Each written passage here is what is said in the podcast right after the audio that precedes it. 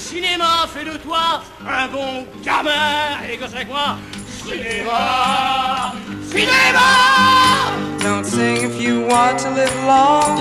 They have no use for your song. Man bites dog. What we do in the shadows. You're dead and out of this world. Hallo en welkom bij Julius versus Jasper, de podcast waarin wij elke aflevering twee films tegenover elkaar zetten en discussiëren over de vraag: mocht het zo zijn dat een van deze twee films van de aardbodem moet verdwijnen, welke zou dan mogen blijven? Eh, mijn naam is Julius Koetsier, daar is Jasper ten Hoor. Hallo, En Jasper, Julius. ja, waar gaan we het vandaag over hebben? Een man bij het hond. Zo is het. En, en nog eentje trouwens, maar eh, laten we ja, eerst, ten eerste man bij het hond. Jij gaat nu uitleggen hoe die film echt heet. Ga ik dat doen? Nou ja, eh, eh, C'est arrivé près de chez vous. Is eigenlijk is de Franse titel. Het is eh eh, eh, vlak, bij, vlak bij jou gebeurd, betekent dat ongeveer. Ehm, ja, het man- gebeurde dicht bij jou, zegt Google Translate.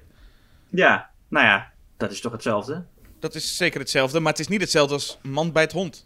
Nee, het is niet hetzelfde als man bij het hond. Maar dat is natuurlijk een, ja, een, een- term uit de journalistiek die dan min of meer betekent rare dingen krijgen, aandacht van de media. Ook als ze eigenlijk, als, als ze niet heel veel, als, als ze niet heel belangrijk zijn of zo. Ja, nou en meteen maar even uitleggen waarom we het over deze film gaan hebben. Ja? Eh, want, of eigenlijk eerst welke film we er tegenover zetten. En dat is een, eh, een andere mockumentary. Ja. Maar What We Do in the Shadows. Ja, twee eh nepdocumentaires of ja, mockumentaries. dat is ook een woord waar we nog over gaan discussiëren straks. Dat kan ik nu alvast verklappen. Dit was, waarom gaan we het erover hebben? Omdat het een voorstel was van een eh, luisteraar, toch? Ja, eh, eh, Bas heet op Soundcloud, als ik het niet vergis. Want er zijn op allerlei verschillende plekken kun je je suggesties kwijt. En deze kwamen waarschijnlijk veel te laat wel een keertje tegen. Eh, maar nou, nou, nu is het zover. Dus een, een suggestie van een luisteraar. En, dat vind ik een, en het was een hele goeie, vind ik. Ja, ik vind het ook een erg goeie. Ook, omdat we dan een beetje kunnen praten over dat hele genre van de nepdocumentaire. En eh, waarom dat eigenlijk eh, zo eh, populair is geworden, ook op, op tv.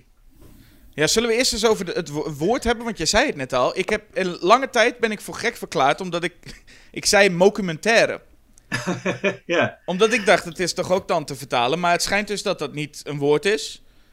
Dus je zegt mockumentary en documentary. En je zegt in het Nederlands dan documentaire en nep-documentaire. Nou ja, ik vraag me af of dat eh, eh, hetzelfde helemaal betekent. Want mak, dat is natuurlijk de spot drijven met. Hè? Hoewel een mak iets ook gewoon een nepversie van iets is. Ehm, ja, je, je, kan een, je kan mak ergens voorzetten om, om alleen maar te zeggen dat het nep is. Maar ik heb het idee dat een mockumentary ook in zich draagt dat je iets eh parodieert. Volgens mij was de eerste film waarbij eh, dat woord gebruikt werd, was This is Spinal Tap. Of in elk geval eh, werd het toen gepopulariseerd. Het zal langer bestaan hebben, maar This is Spinal Tap was de eerste film die echt door heel veel mensen zo genoemd werd. Eh, en dat is echt een parodie op rockdocumentaires. Ehm, en ik denk dat het ook ja, in eerste instantie vooral voor parodieën gebruikt eh, werd. En This is Spinal Tap, je noemt het nu, komt altijd inderdaad wel hoog op de lijsten van beste mockumentaries. En dat klopt volgens mij ook wel. Het is ook wel een, een hele leuke film. Ja, ja, vind ik ook. Ja, ik vind, hem, ik, vind het toch niet de beste eh, Christopher Guest film. Christopher Guest heeft hem niet geregisseerd, maar zit er wel in en is duidelijk een groot aandeel van die film. En, maar ik vind dat hij later eh, veel betere eh, versies van hetzelfde, in, in hetzelfde genre heeft eh, ge- gedaan. Maar dit is Spinal Tap is wel heel leuk, ja. Ja, en jij zegt dat het populair genre... Nou ja, op, er was een tijd, en dat is nu een beetje minder aan het worden, maar dat heel veel sitcoms zo waren. ah, ja, Dat, dat begon met eh, eh, ja, de- The Office. Eh, of nou, het, het bestond natuurlijk al eerder, maar het, werd populair toen begin 2000 eh, The Office, de Britse versie, eh, op tv kwam. En de Amerikaanse remake daarvan heeft het eigenlijk nog veel meer gepopulariseerd. En het ook eigenlijk meer een stijlmiddel gemaakt dan echt een, eh, een, een vertelmiddel. Want in, in de originele versie van The Office zijn de personages zich er voortdurend bewust zijn dat, het, dat ze opgenomen worden, dat het een documentaire is. En zie je dat ook echt aan alles. En de camera komt ook niet op plekken waar de camera niet zou komen. En als je afleveringen van de Amerikaanse remake kijkt, en zeker in latere seizoenen, dan denk je van ja, oké, hier zijn vier, camera, vier cameramensen voor nodig die elkaar dan nooit filmen. En waarom zitten ze opeens in het huis van diegene of in de slaapkamer? En waarom, hebben die, waarom zetten die mensen hun microfoontjes niet uit als ze in privé iets willen bespreken? En dan zit je heel vaak vraag je af, waarom gebeurt dit allemaal voor de camera? Ehm, en de bedoeling is dan een beetje dat je vergeet dat het opgenomen wordt. En volgens mij is de enige reden dat het, met, dat het dan nog een nepdocumentaire is, is zodat je die talking heads ertussen kan doen. Wat gewoon een manier is om mensen nog commentaar te laten leveren op wat er gebeurt. Ehm, en zeker in Parks and Recreation was dat zo. En, en daar werden ze zich ook echt heel erg bewust van hoe belachelijk het was. Uh, tot het punt dat die serie op een gegeven moment zich ook in de toekomst afspeelt. En, uh, en uh, dat ze heel duidelijk bewust de pretentie laten varen dat het enigszins realistisch een documentaire is. Ja, er zijn van die stijlelementen die, van die gezien worden als typische office-stijlelementen. Zoals inderdaad die interviews, talking heads er tussendoor. Mm -hmm. En ook het af en toe even inzoomen. Het, sowieso het wat rommeligere camerawerk, het wat heen en weer schudden, maar ook dat af en toe even inzoomen op een gezicht. Ja, en, en, en de blik. De blik in de camera van ja. de geërgerde. Nou, uh, Martin Freeman is daarmee een beetje iconisch geworden. Die Tim speelt in de, in de originele Office. En in Amerika noemen ze het nou de Jim blik. Oh ja. Uh, want uh, John Krasinski is er ook wel erg goed in. Maar ja, die blik. Ja, en, maar, maar dat gaat ook weer terug naar de stille uh, cinema natuurlijk. Of, de, dat is ook. Charlie Chaplin kijkt ook al recht de camera in. Um, en Ricky Gervais van The Office heeft ook gezegd dat hij echt door Oliver Hardy ook geïnspireerd was. Dat die camera, blik, die, die blikken in de camera, dat het echt een Oliver Hardy ding is. Nou, en wij nemen de stap ook naar uh, genre. Ja, nou laten we gewoon beginnen bij Man bij het Hond. Toch? Ja, laat, laten we dat Ten slotte kwam die eerder uit. En dat is ook de film waarin het eigenlijk heel erg gaat over het feit dat de camera een personage is. Dat is voor mij het, het voornaamste waar die film commentaar op levert. Uh, het is een film over een groep uh, studenten, filmmakers, die een seriemoordenaar volgen. Een documentaire maken over uh, nou, het, het, het dagelijks leven van een seriemoordenaar en wat hij zoal doet. En naarmate de film vordert, raken die filmmakers steeds meer betrokken bij zijn moorden en gaan ze hem ook helpen. En op een gegeven moment gaan ze ook gewoon echt zelf verschrikkelijke dingen doen. Um, waarmee die film ja, toch wel commentaar levert op het soort docu-drama's dat in die tijd uh, best wel uh, uh, populair was. Um, en dan inderdaad de vraag van, uh, hè, door zoiets vast te leggen, in hoeverre draag je daaraan bij? Kun je als journalist een soort objectieve afstand hebben als je dat soort dingen filmt en met zo iemand optrekt?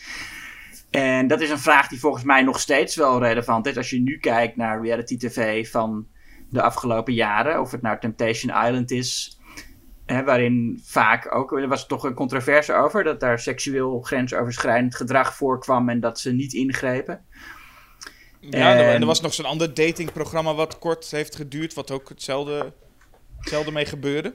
Ja, en... Uh, uh, de Villa, dat was hem trouwens. Oh ja, De Villa. Ja, en ik, ik, ik ben erg liefhebber van het werk van Ewout Genemans, die uh, Ik heb het nog nooit gedaan heeft gemaakt, waarin maagden op zoek gaan naar hun eerste seksuele ervaring. En Fans op SBS en Passie in de Polder, waarin hij pornografen volgt, amateurpornografen. Um, en daar zit, maar daar zitten ook absoluut allemaal momenten in dat je denkt: dit, dit gaat heel ver, dit kan niet, dat je dit filmt en niet ingrijpt. Um, en, en je denkt ook, en dat is misschien bij Man bij het Hond ook wel het geval. Uh, op sommige momenten is het gewoon heel duidelijk dat hij dingen nalaat spelen. Die Ewout Genemans, die daar altijd als regisseur bij is, volgens mij sommige momenten zie je gewoon een, een, een date in zo. En ik heb het nog nooit gedaan dat zo'n maagd. dat een, een maagd een date heeft met iemand. En dan zie je gewoon dat het allemaal. Dat hun gevraagd is van spelen ze even de date van gisteren na, weet je wel. Mm.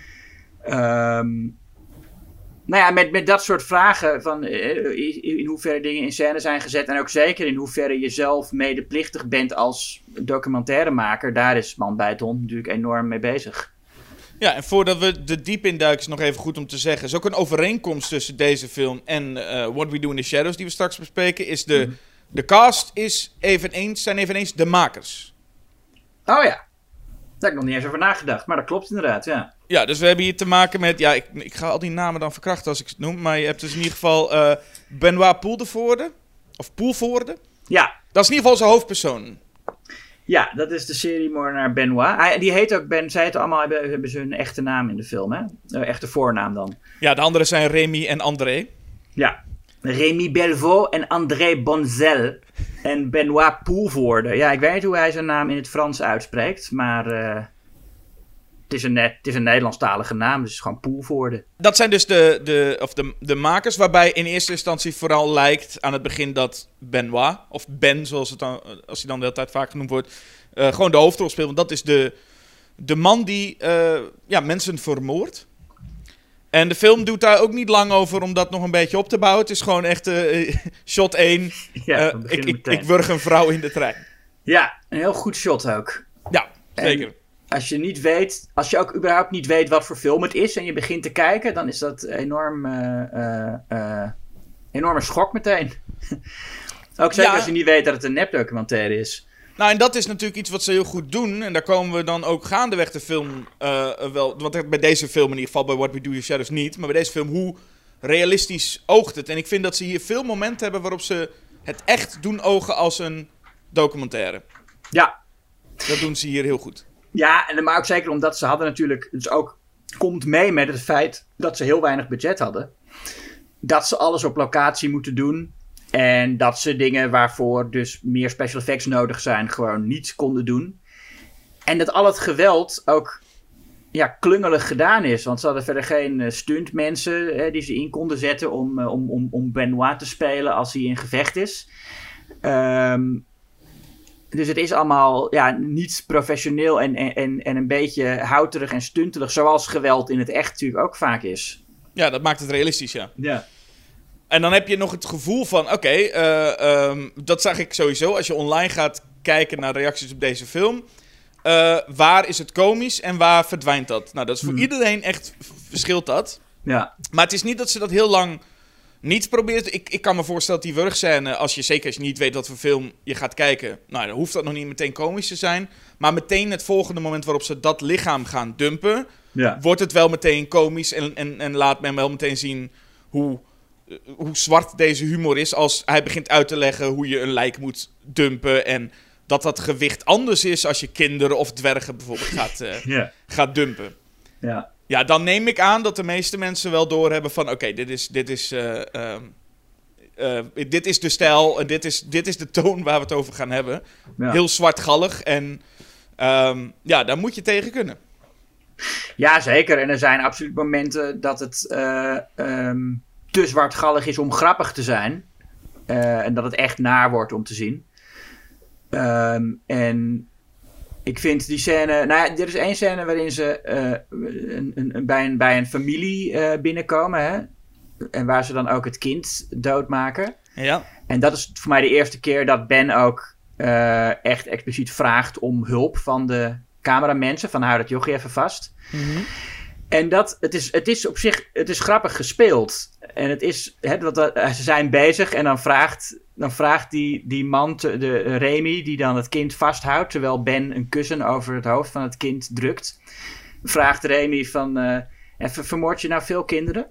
En zegt hij, nee, ik, ik, hou, ik hou ook niet zo van kindermoord. Nee, dat heb ik... Dus het is, het, is, het is duidelijk komisch gespeeld, maar het is ook heel akelig. En eh, ehm, een van de naaste moordscènes. ja maar het zijn vaak die, die dingen zoals jij het nu ook schetst. Je, je hoort gewoon een soort Frans bromet eh, met stem met van... Nou, vermoordt u nou vaak Ja. kinderen? Ja, ja en, en dat maakt het inderdaad heel, heel, heel geestig. Waarbij ehm, het ook, wat ook heel sterk werkt in deze is die, dat ze de cameraploeg er een beetje bij betrekken. En dat is niet meteen dat de hele cameraploeg een grote rol krijgt, want dat weet je in het begin nog niet echt. Maar het is vooral hoe personages bezig zijn met die cameraploeg. Dus bijvoorbeeld, ze gaan naar zo'n eh, wat oudere eh, prostituee. Een vriend van, van Ben, Jenny. En die vraagt dan ook gewoon hè, van, van... Oh, willen, willen deze heer ook wat drinken? En dan kijkt ze achter de, naar, de, naar de crew. Ja, En dat zijn van die kleine momenten die het heel realistisch maken. Met nee, iemand gaat niet helemaal door, maar is ook afgeleid door die mensen die er allemaal bij lopen. ja. En dat werkt heel goed. Hetzelfde als in het begin eh, dat ze naar de opa en oma en, en, en ouders volgens mij, of de moeder in ieder geval van, van Benoit gaan. En nou, naar het schijnt wisten die mensen niet dat ze in een film zaten waarbij eh, Benoit een moordenaar zou spelen. Oh, Zoiets heb ik gelezen. Dus dat, Ah. het, ja, dat ze waarschijnlijk vrij geschokt waren toen ze het eindresultaat zagen. Maar ze kwamen ook al heel erg eh, natuurlijk over. Dus waarschijnlijk hebben ze gewoon gezegd: Nou, we gaan gewoon lekker dingetjes filmen. En praat maar gewoon een beetje, want dat meer hebben we niet nodig. ja. Oh, grappig. Ja, dat, nou ja, dat, dat zal ook wel. Ja, ik vind, ik, ik vind het altijd een beetje flauw als, je, als dan de regisseur zegt van... Ja, we hebben dit en dat niet verteld omdat we een eh, natuurlijke eh, reactie wilden of zo. Ja, dat kan ik me voorstellen in de zin van: ik laat mensen schrikken. Maar in dit geval is het volgens mij meer: we filmen gewoon die mensen. En die Mhm. Ja. praten over Benoit. Van: oh, wat leuke jongen, ja, allemaal gezellig. En dus snappen de context van de film niet. Ja, nee, precies. Nee, Waarbij je gewoon kan is, zeggen, eh, ja, ouwe hoe maar lekker. En het is ook Ja. gewoon... Dat, misschien zijn dat ook wel gewoon de meest oprechte... eh, Misschien wel gewoon documentaire scènes die er dan eigenlijk in zitten. Omdat die mensen zich van geen kwaad bewust waren. Ja. dan misschien de, de, de, de, de, de vorm. Mhm. Wat, waar ik even mee, mee, mee puzzelde in deze film was, wat voor vorm is dit? Is dit nou een... En ik weet dat je daar niet te lang over na moet denken, want ook als we zien hoe het afloopt. Maar of dit nou een gemonteerde film is, of meer toch found footage? Want, ja, nou, dus- het, het einde is sowieso suggereerd eh, found footage natuurlijk. Hè, want het eindigt ermee dat de cameracrew doodgeschoten wordt in een, in een wraakactie van een aantal gangsters. Tenminste, is dan de suggestie. Je weet niet precies wie er geschoten heeft, maar ik ga ervan uit dat dat die gangsters zijn. ja. En, Eh, en dat is dus... eh, En dan valt die camera een beetje al à la Blair Witch Project. De camera valt Ja. op de grond en filmt nog een tijdje. Overigens is deze film van voor Blair Witch Project, 1992. Mhm. Ehm, maar je hebt dus ook momenten dat bijvoorbeeld eh, eh, Ben met de crew in gesprek gaat van zullen we nog even ergens wat gaan eten? En dan blijft er best wel lang een, een gesprekje tussen van nou, ik kan eigenlijk niet. En, en nou ja, allemaal, het voelt heel ongemonteerd. Gewoon dit is alles wat we geschoten hebben. ja, en- maar er zijn ook duidelijk momenten dat het wel gemonteerd is. Ja, op een gegeven moment zitten er echt montages in. Dus dan is er zo'n, zo'n in het begin volgens mij zo'n, eh, allemaal van die eh, geweerschoten achter elkaar. En hij gaat op een gegeven moment, gaat eh, Ben ook wat poëtische teksten voordragen. Waarna er allemaal beelden komen waar hij bijvoorbeeld naakt op het strand aan het eh, Oh ja. hollen is. Terwijl die, die poëtische teksten zijn. Dus da- daar voelt het weer gemonteerd. Eh, dus ik was soms nog wel even in de war met welke vorm dit nou eigenlijk heeft. Als, als in vooral ongemonteerd of gemonteerd. Ja, ik denk dat iemand heeft die, heeft die camera natuurlijk gevonden. En een andere student eh, heeft daar een heel mooie film van gemonteerd. Die, die, die had mazzel natuurlijk. Ja, maar die heeft dus bij bepaalde stukken gedacht: oh, ik ga ik een lekkere montage doen. En toen was er een scène met, met het, het eh, praten over wie gaat ermee uit eten. En dat heeft hij er een beetje ongemonteerd nog tussen gelaten. Nee, maar dat is niet ongemonteerd. Dat is, dat is ook toch een heel relevante scène. Dat je ziet, daar zie je ook die interactie tussen hun. En hoe hij, hoe Ben aan de ene kant gezellig is, maar ook een beetje intimiderend. Hè? En met een aandringen van die studenten zeggen: Nee, we hebben geen tijd. En dan zegt hij: van, Ah, waarom niet? Kom, we gaan toch gewoon gezellig. eh, ik ga wel met je mee. En, en, eh, dus ik vind dat heel relevant dat dat, er, dat, dat erin zit. Nee, het is heel relevant, maar dan praten we nu over twee soorten makers. We hebben ofwel de echte makers, dus de echte drie mensen die deze film hebben gemaakt, die wij nu bespreken. Maar Ja. je hebt dan nu het over de mogelijke editor in de man bij het hond eh, Ja. wereld. Maar die zou dat er ook in laten, volgens Maar ik mij. weet niet wat voor film die nou eigenlijk gemaakt heeft nu. Gewoon die, wat, die Ja. wat die editor nou eigenlijk heeft gemonteerd met zijn gedachten. Ik snap de, deze makers wel, maar... Nou ja, ik, ik, ik denk dat die, dat die ook dat wilde laten zien. Dat de, de fictieve editor van deze film ook eh, gewoon wilde laten zien wat voor man die, die Ben is. En dat wordt in zo'n scène natuurlijk heel duidelijk. Ja, want wat voor man is die, die Ben? In ieder geval een man die zichzelf heel graag hoort praten. Ja, over allerlei onderwerpen. Ja, het, het, het, eh, hij, hij, hij lult aan één stuk door, de- deze man. Hij vindt zichzelf volgens mij machtig interessant. Ja, hij vindt dat hij altijd gelijk heeft. En eh, hij, hij luistert niet naar wat andere mensen zeggen. Hij heeft inderdaad alleen zijn eigen ideeën. Nou, dat, dat past ook allemaal wel bij een seriemoordenaar. Ehm, hoewel hij niet zo'n realistische seriemoordenaar is, volgens mij. het zijn toch over het algemeen ander soort types dan deze eh, eh, figuur. Maar je kan je wel goed voorstellen dat iemand met zoveel bravoer en die inderdaad eh, de hele tijd zelf aan het praten is en nooit luistert naar iets wat andere mensen zeggen en vindt dat hij altijd gelijk heeft en, hele, en ook stomme grappen maakt en, en, en gedichten voordraagt. Ehm, ik kan me best voorstellen dat zo iemand ook gewoon zonder eh scrupules iemand door zijn kop schiet. Ja, de vraag is ook, wat ik ook op online veel zie, een soort discussie van wat vinden we nou van deze man in de zin van, is hij nou nog enigszins sympathiek of niet? Nou, is dat, gaat het natuurlijk niet om het feit dat hij een moordenaar is, want dat, dat is allemaal duidelijk, maar in hoeverre, ja, dat er toch wel verdeeldheid is over, vind je hem nou scheidirritant, wat hij ergens ook zeer is, of vinden we het ook wel een, een, een aandoenlijk figuur in, eh, los even van de moorden? Ja, nee, ik vind, hem, ik vind hem heel vervelend. Op een heel goede manier. Eh, ik vind hem heel goed gespeeld. En ik vind hem heel herkenbaar. Ik, ik ken ook echt dat soort mensen. En ik kom wel eens dat soort mensen tegen in cafés. Oh jee. Nou, niet, niet, Nee, niet. geen moordenaars, maar wel mensen, ja, mensen die gewoon zo praten over alles, weet je wel. En die alles gaan uitleggen ook de hele tijd. Van die mensen dat als ze een duif zien, dat jij denkt, oh god, daar gaan we weer. Ja, maar ook, al, maar ook al die grappen, weet je wel, waar- waarvan hij dan ook wil dat iedereen erom gaat lachen. En het zijn eh, super domme grappen. Ehm, ja, dat is zo, van, die, van die platte, interessant, doenerige mensen. Die, eh, die, over The Office gesproken. Ik moet ook heel erg denken aan Chris Finch uit de Britse versie. Dat is ook zo iemand. Oké, die ken Ik niet. jij, jij, je, kent het, je kent de serie niet, maar of, of wel? Eh, niet, nee, in de eh, basis. Ik ken niet Oh de ja, nou ja, specifieke- Chris Finch, dat is een, een, een, ook een, een, zogenaamd een, een, een soort vriend van David Brent.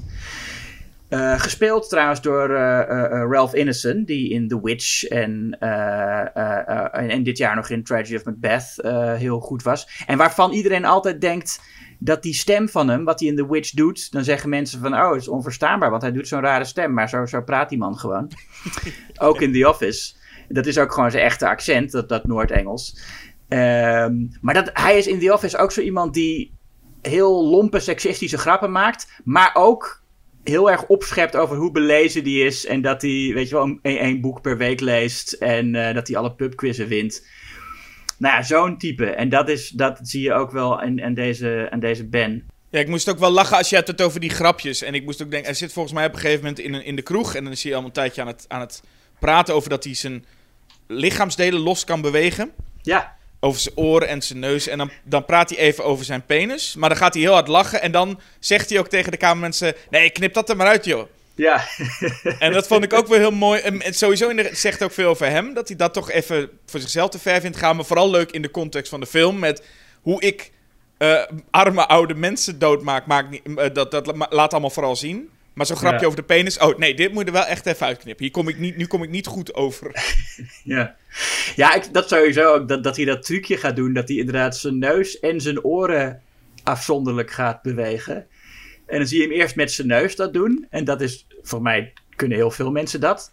Zag er niet indrukwekkend uit in Nee. ieder geval. Dat kan ik ook. Eh, eh, En, en, maar dan, gaat hij, dan zegt hij, en nou ga ik mijn oren afzonderlijk bewegen.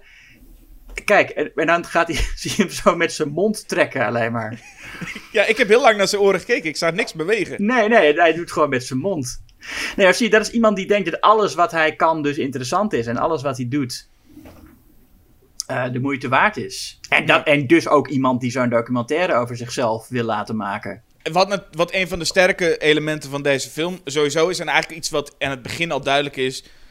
Het gaat om een man die eh, dus moorden pleegt en hoe casual, daar zit veel van de humor in, hoe casual hij er eigenlijk mee omgaat. Mhm.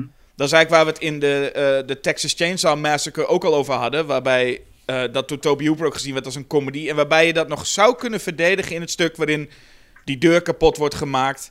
En dus een van die mannen eh, schreeuwt van... "Ah, kijk nou wat je met de deur gedaan hebt. En dat is hier ook Ja. een beetje de, de vorm van humor. Er gebeuren gruwelijke dingen.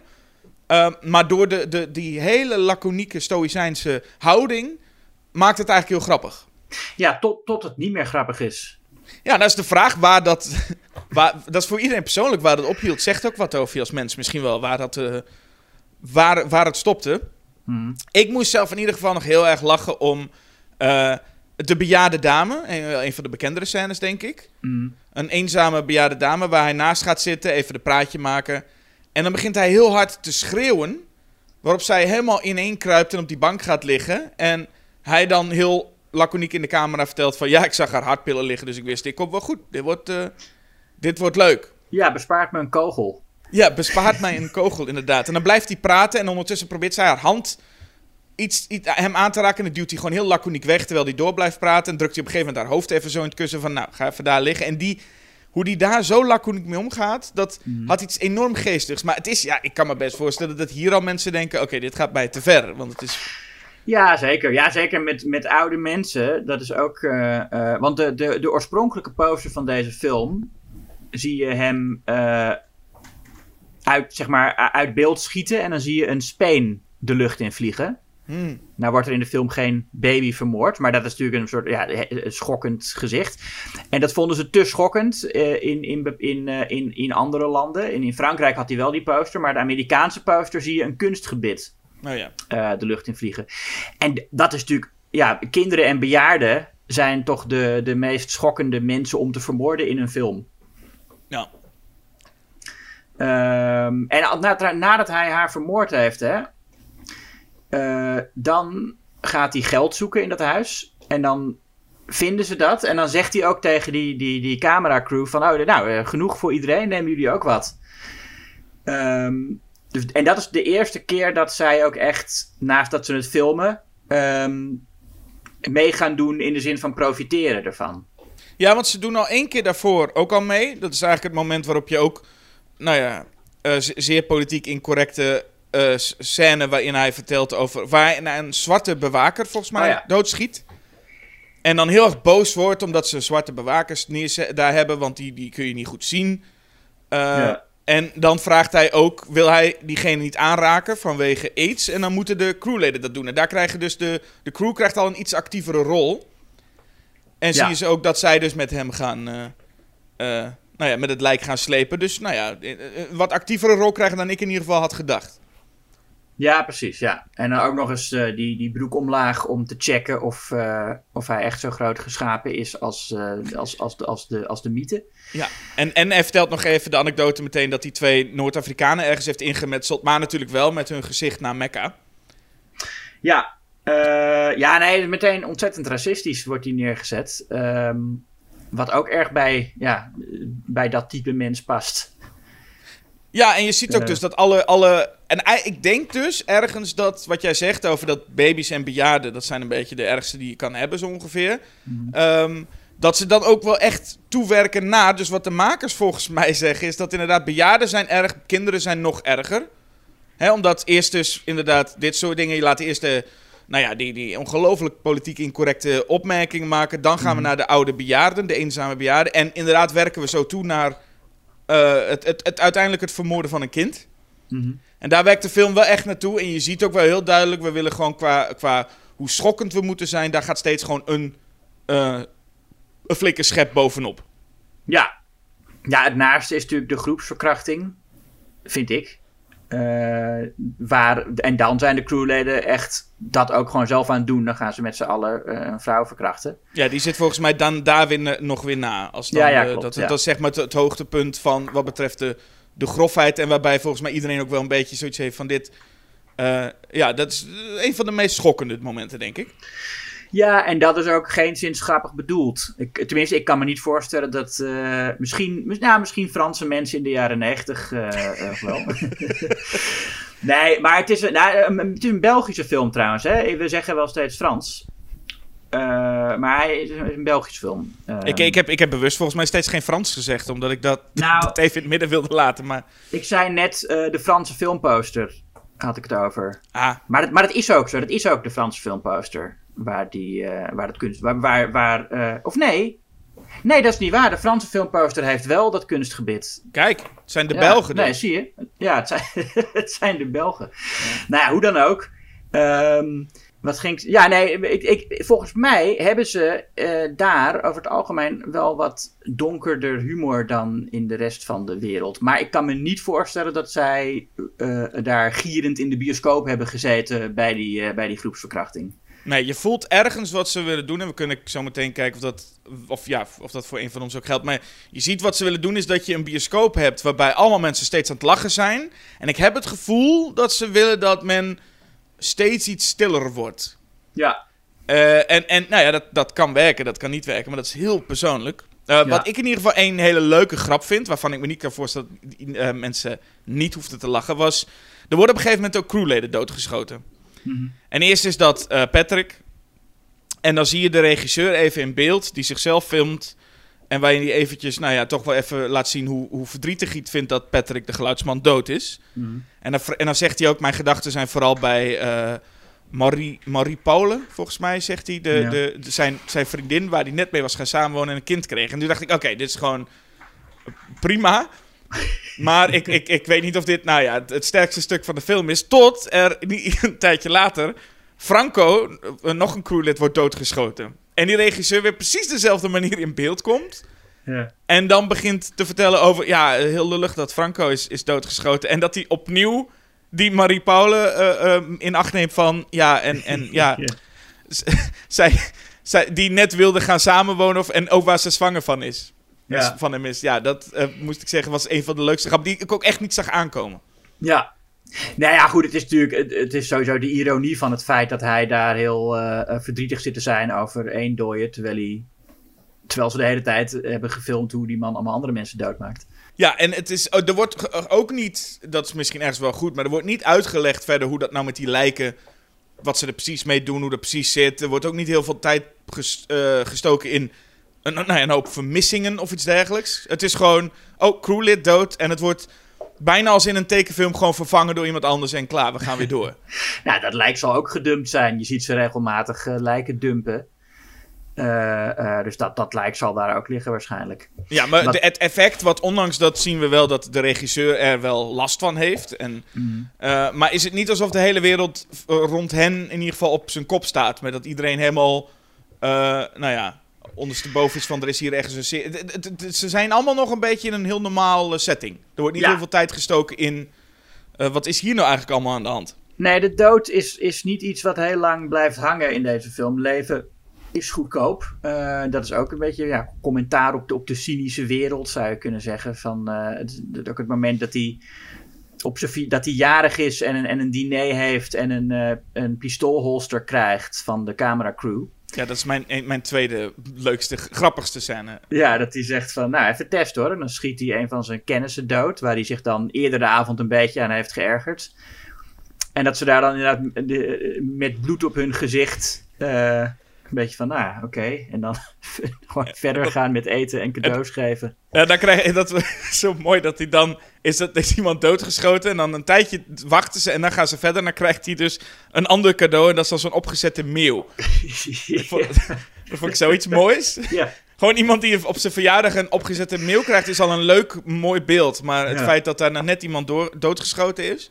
ja. En, en het fijne is ook dat ze. eh, je kunt het op, op verschillende manieren doen. Je kunt iemand dood laten schieten op zo'n verjaardag. En dat iedereen eventjes stil zit en meteen daarna zo. Anyway, en we gaan weer door. Dat had een soort comedy kunnen zijn. Je kan ook dat mensen dus helemaal de pan uitflippen met wat gebeurt hier. En hier kiezen ze ervoor om precies in het midden te gaan. Je ziet wel een ongemakkelijkheid bij de mensen die aanwezig zijn. Maar het voelt een beetje als een ongemakkelijkheid alsof bijvoorbeeld iemand op een verjaardag ineens keihard begint te vloeken en te schelden of zo. Waarbij iedereen even stil wordt en zo van, oeh, dit is wel even ongemakkelijk. Nou, ja, het is vooral dat Ben er niet moeilijk over doet. En dat Ben zegt van, eh, nou, jongens, we gaan door. En, en Ja. daarom gaan ze er allemaal in mee. Ja, maar het is niet, ze beginnen niet, ik bedoel, zo'n zo'n Jenny bijvoorbeeld, die begint niet eh, helemaal, helemaal te schrikken met wat doe je nu, er is iemand dood. Nee, nee. En tegelijkertijd is het ook niet dat ze het, het haar niet raakt. Ze zit gewoon een beetje van, oh jee, oh, even, niks zeggen. En ik vind dat een hele goeie hoor. En ik vind dat een hele goede toon. Precies in het midden blijven van, en we gaan voorzichtig door. En ja, als hij dan die mail krijgt, toen ging ik wel stuk, ja. Wat ik ook geestig vond, was dat ze op een gegeven moment... Ben heeft een, eh, een soort onderkomen in een in verlaten de, hal, eh, verlaten gebouw. En eh, dat wordt ook gebruikt door een aantal gangsters. En dan rennen dan... Nou, die hebben natuurlijk conflict met elkaar en die rennen rond. En dan zien ze dat die gangsters ook door een cameraploeg gevolgd worden. Het is bijna een soort van dat, dat, dat, dat Shaun of the Dead grapje, waarbij ze allemaal elkaar tegenkomen. Maar dan, Oh ja. als Ja. je chronologisch doorgaat, zit dus inderdaad vlak voor die scène waarin met die verjaardag zit dus, zijn, eh, zit dus die verkrachting. Mhm. Ehm, wat inderdaad het moment is dat de crew... Ja, volgens mij, ze zijn ook allemaal dronken, geloof ik. Hè? Ze zijn allemaal een behoorlijke lange scène met waarin ze gin tonics gingen maken... en zo'n Ja. spelletje hadden en gingen zingen op straat... eh, over, over eh, hun, hun liefde voor de film. Ja. En, daar, en, en daaruit volgt ineens die vrij eh, nou ja, brute scène... waarin er een vrouw wordt Ja. verkracht... en de volgende ochtend zien we twee lichamen liggen... en liggen ze op de vloer daar te slapen. Ja. En ik kan me voorstellen dat hier dus de... de ja, ik denk dat hier voor velen het... het want dat kind wat daarvoor zit, dat kind dat vermoord wordt, is ook vrij schokkend. Maar wat je al zei, dat hij daar zo zit en ook weer hier heel laconiek vertelt. Ik denk dat dat nog wel echt komisch is. Ja. Maar bij deze is het inderdaad wel een van de weinige scènes waarbij de comedy wel weg is, geloof ik. Ja. Ja. Ja, klopt. Ja, nee, ik kan me niet voorstellen dat mensen daarom moeten lachen. En dat is natuurlijk ook niet de bedoeling. Het is de bedoeling dat we daar inderdaad echt eh, eh, stil worden. En ja, misschien ook een beetje denken van... waar heb ik nou al die tijd om gelachen? Het is ook een beetje wat eh Haneke doet, eh eh, eh, eh, Michael Haneke met eh, Funny Games. Ja. Dat hij eh, steeds verder gaat en schokkender dingen doet. En ons... eh, eh, in, in- in die film heb je ook moordenaars die zich tot de camera wenden. Het is geen, het is geen documentaire, maar de moordenaars zijn zich ervan bewust dat ze in een film zitten. En die gaan ook door de vierde muur heen. En die film is natuurlijk ook een commentaar op geweld in films. Wat ik, ik vind het niet een heel geslaagd eh, commentaar. Ik vind het een beetje. Haneke denkt dat hij iets doet wat horrorfilms niet doen. Terwijl veel horrorfilms het volgens mij wel doen, wat hij daar doet. Ehm, maar dat is inderdaad, en, en volgens mij gebeurt dat hier ook een beetje. Ja, alleen is hier de toon niet zo dat ze, dat ze nu verder gaan. Ik heb wel het gevoel dat het echt even zo'n toppunt is. Hmm. Maar daarna gaan we wel gewoon rustig door. De film is nog niet afgelopen. En gaat de toon ook gewoon weer door met een beetje hard en, en, en komisch. Ja, het is ook niet vermanend. Het is, ik heb niet het idee dat, ik, dat, de- dat, de, dat de film met het vingertje wuift van je mag niet eh, lachen om geweld of zo. Nee, wat natuurlijk ook moeilijk is, en dat geldt voor beide films die we bespreken, maar bij deze vooral ook. Je hebt die openingsscène waarin we, meteen een vrouw wordt gewurgd. We praten over het moorden, potentieel moorden van kinderen. En hoe ze dan. En, en wordt een lijk weggedropt. En dat is de eerste paar minuten. Je zou kunnen stellen, dat is een leuke sketch.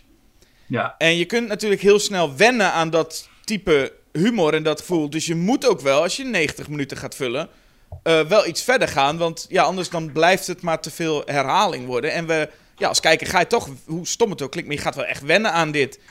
Eh, ik, ik bedoel, op een gegeven moment is dat dan niet zo schokkend meer. Je kijkt naar een kind dat vermoord wordt, maar je zit eigenlijk gewoon te kijken met, ja, dat, dat is logisch. Ja, die kindermoord is ook niet zo expliciet natuurlijk. Dat, dat, ik bedoel, dat kind, je, het hoofd zit onder een kussen. Eh, dus dat zie je verder ook helemaal niet. Het is niet, niet zo gruwelijk als, als het later wordt. Nee, dat is waar. Ik denk toch alsnog veel explicieter dan de meeste films die ook maar Ja, natuurlijk. waar kindermoord überhaupt in voorkomt. Want Mhm. meestal zou je zeggen dat is offscreen. Ja. Eh ja, dan is het al wel vrij expliciet. En ik heb het gevoel dat hier de film... Nou ja, sowieso natuurlijk een ding. Deze film is vrij fragmentarisch. In ieder geval, er gebeuren veel dingen waarvan ik denk... Dat hoort er waarschijnlijk ook in. Maar er zitten allemaal momenten in. dat- Dan raakt hij zijn armbandje volgens mij ergens kwijt. Gaan ze die Mhm. zoeken. Ja. En, eh, nou ja, inderdaad, wat zeiden over het hele stuk in de kroeg. En op een gegeven moment wordt hij tijdens een bokstraining volgens mij in het ziekenhuis geslagen. En dan Ja. zit- ligt hij in het ziekenhuis. Dan is, dat is een van de weinige momenten waarop hij eindelijk een keertje stil is. Maar dan ligt er zo'n man naast hem in het ziekenhuis te praten over dat hij de hele tijd in zijn broek heeft gescheten, geloof ik. Ja. En dat zijn wel momenten waarop je denkt: oké, ik kijk hier nu naar, maar het gaat niet per se nu ergens naartoe. Hè, dat is dat, op dat moment heb je die, dat, dat toppunt van heftigheid met die verkrachting gehad. En ja, is er, is, gaat de film nog gewoon een beetje door. Met een verjaardag, met Hmm. weer- eh, dan, dan komt er een postbode weer, want hij pakt altijd postbodes de eerste van de maand. Ja. En dan gaat hij die beelden analyseren. Dan komt hij ineens in de bak. Het is een beetje daarin gewoon wat rommelig. Ik, dat kan bij de vertelling horen, maar het fragmentarisch en rommelig voelde, ik het, voelde het voor mij af en toe wel. Ik weet niet of jij daar last van had. Nou, geen last. Nee, het is, het is onconventioneel. En ik denk ook, want hij, zei, hij gaat dan inderdaad naar de gevangenis omdat de, de postbode die hij probeert eh, te pakken, die weet te ontsnappen. En eh, dan moet hij naar de gevangenis. Maar dan, op een gegeven moment, nadat hij in de gevangenis zit, hoor je een soort eh, een bericht op een antwoordapparaat. En dan zegt hij, ja, ik ben ontsnapt. Je moet daar en daar naartoe komen. En mijn eerste reactie als kijker is dan, oh, maar ze hebben de ontsnapping niet laten zien. En dan denk ik meteen, oh nee, het is natuurlijk een documentaire, dus dat, hebben, natuurlijk, dat, dat, kunnen ze, dat hebben ze natuurlijk niet gefilmd. Eh, Maar dat zou in een. Als je, als je nu een, een mockumentary zou maken, dan is dat genre. De mensen zijn zo gewend aan die stijlmiddelen. Eh, dat ze ook gewoon de. eh, eh, dat je dat ook wel zou kunnen laten zien. Als je, als je nu zo'n film zou maken, zou je dat wel laten zien dat die documentaire crew daar stiekem zit of zo. En dat en dan, en, om, omdat mensen nu zo gewend aan die stijl zijn dat ze ehm, zich niet meer zouden afvragen waarom die crew daar is. Dat gevoel had ik ook bij, dat was dan volgens mij meer een found footage film van Chronicle. Hmm. Waarbij er inderdaad zodanig gespeeld, dat je eigenlijk denkt, je hoeft nu ook niet meer... Waarom is dit nog een found footage? Want er zijn overal camera's en daar spelen ze Ja. ook mee. Met bewakingscamera's, telefoon. Dus het enige verschil wat je hebt is dat de, eh, dat de kwaliteit van de camera steeds wisselt. Maar omdat er nu zoveel camera's steeds zijn en we ook gewend zijn dat iedereen wel een camera heeft... eh, op telefoon, op webcam, wat dan ook... is het niet eens meer echt relevant. Want ja, kan alles gewoon gefilmd worden. Ja. En is het gewoon net even een ander kader. Maar daar is het natuurlijk hiermee spelen ze echt met... eh, We kunnen alleen maar in beeld brengen wat we ook echt eh, kunnen filmen. Wat je in documentaires ook vaak ziet. Hè? Reportages zie je vaak van dat... nou ja, heftige dingen die plotseling gebeuren... moeten ineens verteld worden met voice-over. Want daar, waren de, daar was de cameraploeg gewoon niet op tijd bij. Ja. Maar hier worden ze wel betrokken bij dat hij dus eh, in de bak zat. En ik, ik, ergens voelde ik van, oké, deze film kan dus elk moment eindigen. Omdat je niet heel erg voelt waar het naartoe ging. Ik denk, hij zit in de bak. Zou dat dan gewoon het einde zijn? Maar er is dus nog, wat mij niet helemaal duidelijk wordt... maar er is dus nog een soort wraakactie gaande met eh, ja, iemand die... in ieder geval in eerste instantie hen wil hebben. Of in ieder geval Ben dood wil hebben. Hm. Maar dus nu wraak neemt op eh, mensen om hem heen... Ja. Waaronder dus het eh, meisje, waar ik de naam even niet van weet, die is eh, aan de beurt en die wordt doodgevonden met een dwarsfluit in haar kont. ja, Valerie. Valerie, ja. Ja, en, en, en daarna zijn ouders. Hij gaat dan die, die dwarsfluit die in haar, ik, volgens mij is daar anus is Anus. gestoken. Ik, en, Ja. en dan gaat hij die wassen en dan zegt dus iemand achter de, de camera van, eh, water is wel slecht voor een fluit. ja. En dat vond ik een van de grappigste zinnen die ik hoorde. Dat iemand daar, en dat is dat droge ook van zo'n... eh, ehm, ja, zo'n Frans Bromet hoor ik dan met... eh, ik, ik weet niet, water is wel Ja. slecht voor de fluit hoor. ja. Maar Ja. hij, en die Ben is natuurlijk helemaal in, in, in ja, paniek. Vooral zijn, eh, zijn... Want zijn moeder speelde geen instrument... en daarom is er nu een bezem in haar kont gestoken. Zoiets Ja. begreep ik. Ja, nee, dat, hij, wordt, hij, heeft, hij heeft inderdaad loopt met zo'n bezemsteel. En dan is het van. Ja, zij, eh, zij, eh, eh, zij, heeft, zij was geen muzikant, zij was een, een schoonmaker of zo. Of nou, nee, ze is geen schoonmaker, maar ze, maar ze veegt wel de vloer met die bezem. Dat is dan de, ja, de suggestie dat zij daarmee ja, ook verkracht is. Is toch wel hard, hè? Dat is, dat is zeker hard, ja. Ja. Maar het is in ieder geval, in die zin blijft die film daar nog wel enigszins luchtig. Althans, er waren nog een paar zinnen waar ik zeker om moest lachen. En dan is het een, ja, toch het einde. Iedereen is dood. Einde. Ja, ja nee, want hij heeft inderdaad. Nou goed, hij heeft die gangsters eh, doodgeschoten. die dan in zijn eh, eh, onderduikadres aanwezig waren. En daar zat blijkbaar een organisatie achter. ehm, die ze eh, eh, allemaal eh, inderdaad doodschieten aan het einde. Wat wel. ehm, ja, het is een logisch einde. Het gaat allemaal een, be- een beetje snel. En ik vind het ook een beetje makkelijk. Nou, inderdaad, wat je zegt, iedereen is dood einde.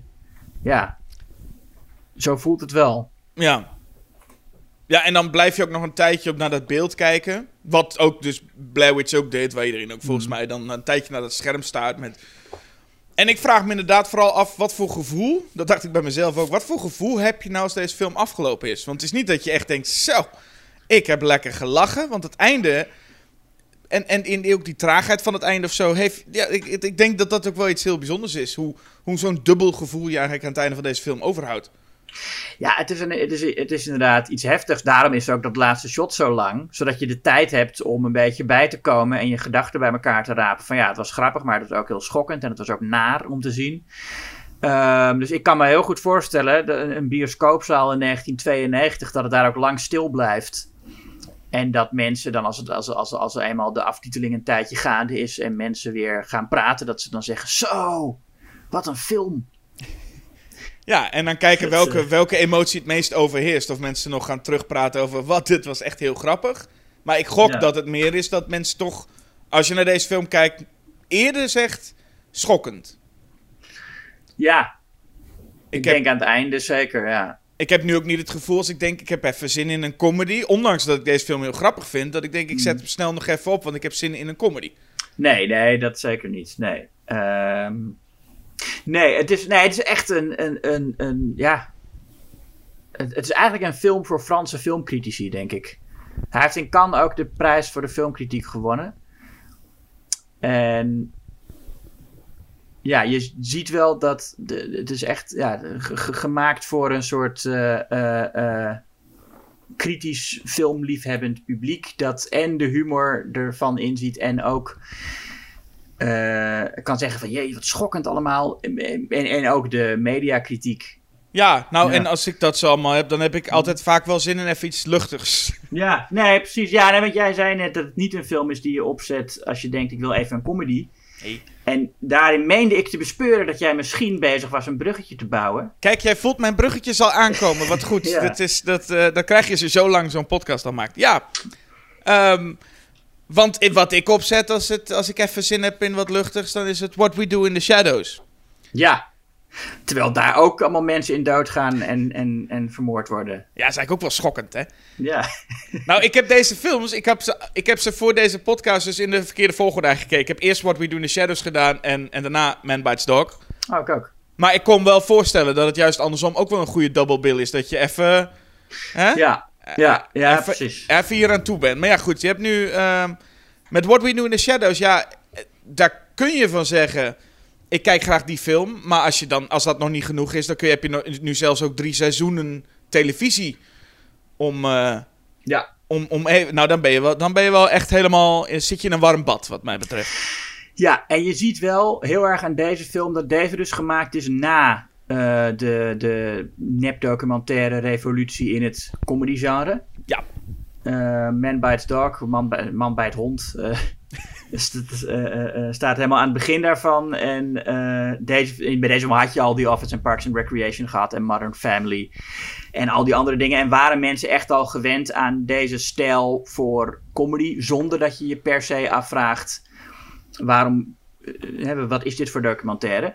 Maar die film eh, die speelt daar toch mee. Op een best leuke manier, vind ik. Maar misschien is het ook goed om te zeggen dat eh, de makers van deze films, ook de acteurs en de makers, eh Jermaine Clement, ik weet niet of ik die naam dan goed zeg, Clement? Clement, zegt hij volgens. Clement. En Taika Waititi. Ehm, die maakte in 2005 al de korte film, film van een half uur, getiteld What We Do in the Shadows, Interviews with Some Vampires. Ja. En ik denk dat in 2005 klinkt al iets meer als de tijd waarin dat eh, booming was. Ja. Eh, waarin zij eigenlijk de drie hoofdrolspelers, dus Jermaine, eh Taika en Johnny Brug. zijn allemaal wat achternamen hier waarvan je denkt, wat moet ik hier nou mee? Maar die drie Ja. hoofdrolspelers zitten daar dus al in die korte film. Maar dat is vooral een film die veel al Talking Heads is. Eh, met het principe, eh, ja, gewoon wat, wat de titel ook zegt: Interviews with Some Vampires. Wat opvalt aan die film, is een film van, eh, van laten we zeggen, een half uurtje. is dat ze allemaal eigenlijk dezelfde energie hebben als het personage uiteindelijk van Jermaine. Eh, zo spelen ze eigenlijk alle drie. En je merkt wel dat ze nou ja, pas in 2014 de volledige speelfilm hebben gemaakt. En daar hebben ze wel hele uit, eh, nou ja, alle, alle drie een uit, uitgesproken typetje. Ja. Ja, 2005, het was ook een beetje die, eh, de tijd van de ongemakkelijke comedy en van de eh, heel erg door improvisatie gedreven stukjes. En dat is soms leuk, maar soms ook heel vervelend.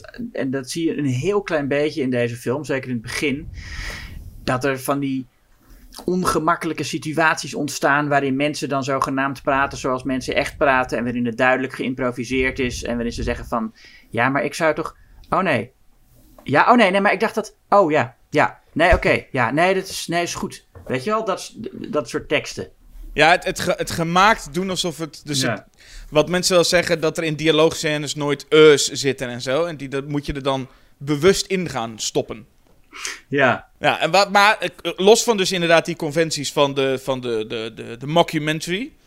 eh, is dit, wordt het hier vooral eigenlijk nog meer gewoon gekeken naar wat zijn alle vampier...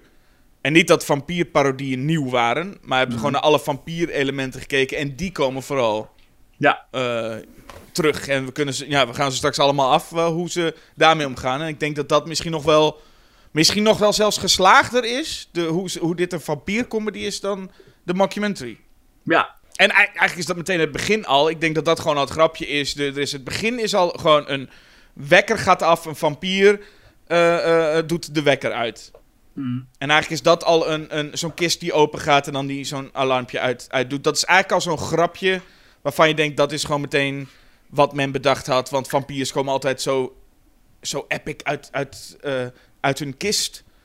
Wordt er dan gedacht met een assistent en hier moeten ze zelf opstaan. Ja, en ook hoe, hoe Taika Waititi dan eh, zo, uit, zo als een plank rechtop uit die kist staat en halverwege even pauzeert. En Ja. dan weer langzaam zo verder gaat. Dat is een prachtig shot. Ja, en ze hebben hier de verschillende soorten vampiers. De, de, we hebben de verleider, we hebben ook de, de, de echte Count Orlok. Maar die heet nu Pieter in, deze, in deze film. En de, de, het, het, het broekie, het, de, de jonge vampier, die er nu 183 jaar is. Ja. Ehm, Deacon. Ja, Deacon. En eh Taika Waititi zelf is dus Viago. En dat zal meer, die komt volgens mij meer een beetje in de stijl van Interview with the Vampire. Dat soort vampiers. Eh, ja. Ja, nee, klopt. Ja, nee, nee, en, en inderdaad, Jermaine Clement, of Clement, ik zei nou Clement, omdat jij het zei. Oh, ja, dat geeft mij maar de schuld. Eh Jermaine, die, die- hij speelt eh Vladislav en dat is ook, hij zegt een, een beetje geïnspireerd door Gary Oldman in, in Dracula. Ja. Wat je ook aan het kapsel op een gegeven moment ziet. Ehm, ja, Viago is, is voor mij de minst vampier-archetype en de meest van eh, wat Taika Waititi heel goed kan spelen. Gewoon een beetje van... Ik, wil, ik, ik ben een gezellig iemand en ik wil gewoon dat iedereen eh, tevreden is.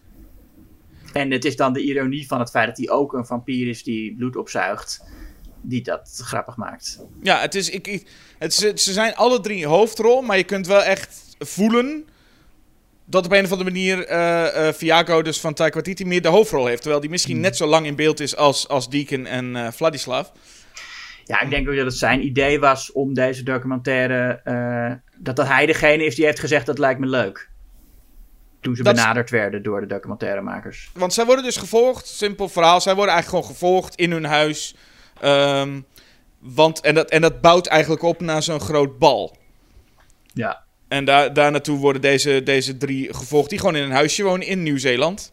Ja. En dan zien we hoe het daar eh, de- eh, vanaf gaat. En ik denk dat daar, ja, de comedy zit hem dus in vampiers met alledaagse probleempjes. En dat, Ja. dus, dan, dus dan krijg je vampiers waarvan we, nou ja, ik denk in 2014 zaten we daar niet echt meer mee. Want dan had je alle soorten vampiers al. Maar gewoon je denkt aan die grote kastelen, die mysterieuze figuren. En dan zitten ze hier met z'n allen om tafel als, als huisgenoten te praten over wie de afwas gaat doen. Ja. Daar zit dan de, de grap in. Wat ik een heel schattig, leuk grapje vind. Gewoon, dit, dit, daar zit de film vol mee. Maar eh, Vladislav die zegt... So many bloody dishes. En dan krijg je een shot van inderdaad bloederige afwas. Ja. Ja, en, en dat is, dat je zou kunnen zeggen, nou, dat is misschien een, idee voor een sketch van hè, wat, wat als klassieke vampiers gewoon in een, in een normaal huis in de suburbs woonden. In eh, Wellington is het geloof ik. Of niet geloof ik, maar het is in Wellington. Ehm, en daar eh, eh, als, als, als huisgenoten house meetings hebben. Maar ze, ze slagen er ook in om dat echt, dat idee waarvan je zegt, dat is alleen een sketch, eh, om dat daar een toch wel volwaardige film van te maken. Vind ik. ja, zeker. Maar het is een... een nou ja, we, we, we zullen misschien komen het ook nog wel over de serie te spreken. En je ziet ook wel dat dit format... eh, zich ook uitstekend leent voor kort. En nou kan je gewoon, wat ik altijd vaak doe, is die, die serie vervolgens bingen, waardoor je al die afleveringen achter elkaar kijkt en je nog veel Hmm. langer naar iets aan het kijken bent. Ja. Maar in principe is dit voor 10, 15 minuten eigenlijk perfect. Je hebt, je hebt korte scènes. En dit is, voor mij voelt het ook gewoon als allemaal losse stukjes achter elkaar. Want ze bouwen weliswaar in het verhaal op naar het grote bal. Maar natuurlijk zit er genoeg in. eh, gewoon leuke dingetjes die, die, die maar bedacht zijn. Wat kunnen we hiermee doen? En volgens mij, wat ik begrepen heb, hebben ze ook heel veel materiaal geschoten. Ja, En gewoon nee, je ziet, je ziet wel dat heel veel dingen ook echt geïmproviseerd zijn. Maar wel strakker dan eh, veel andere improvisatiecomedies, vind ik. Ja, zeker, zeker. En ik, eh, eh, nou ja, de, de- een paar elementen die ik dan ook het leukst vind zijn de momenten waarop ze echt met die vampierregels spelen. En wat ze daar dan mee doen. Bijvoorbeeld dat ze dus, eh, nou ja, goed gekleed de straat op willen en dat ze niet in de spiegel kunnen kijken. Dus elkaar dan gaan natekenen ja.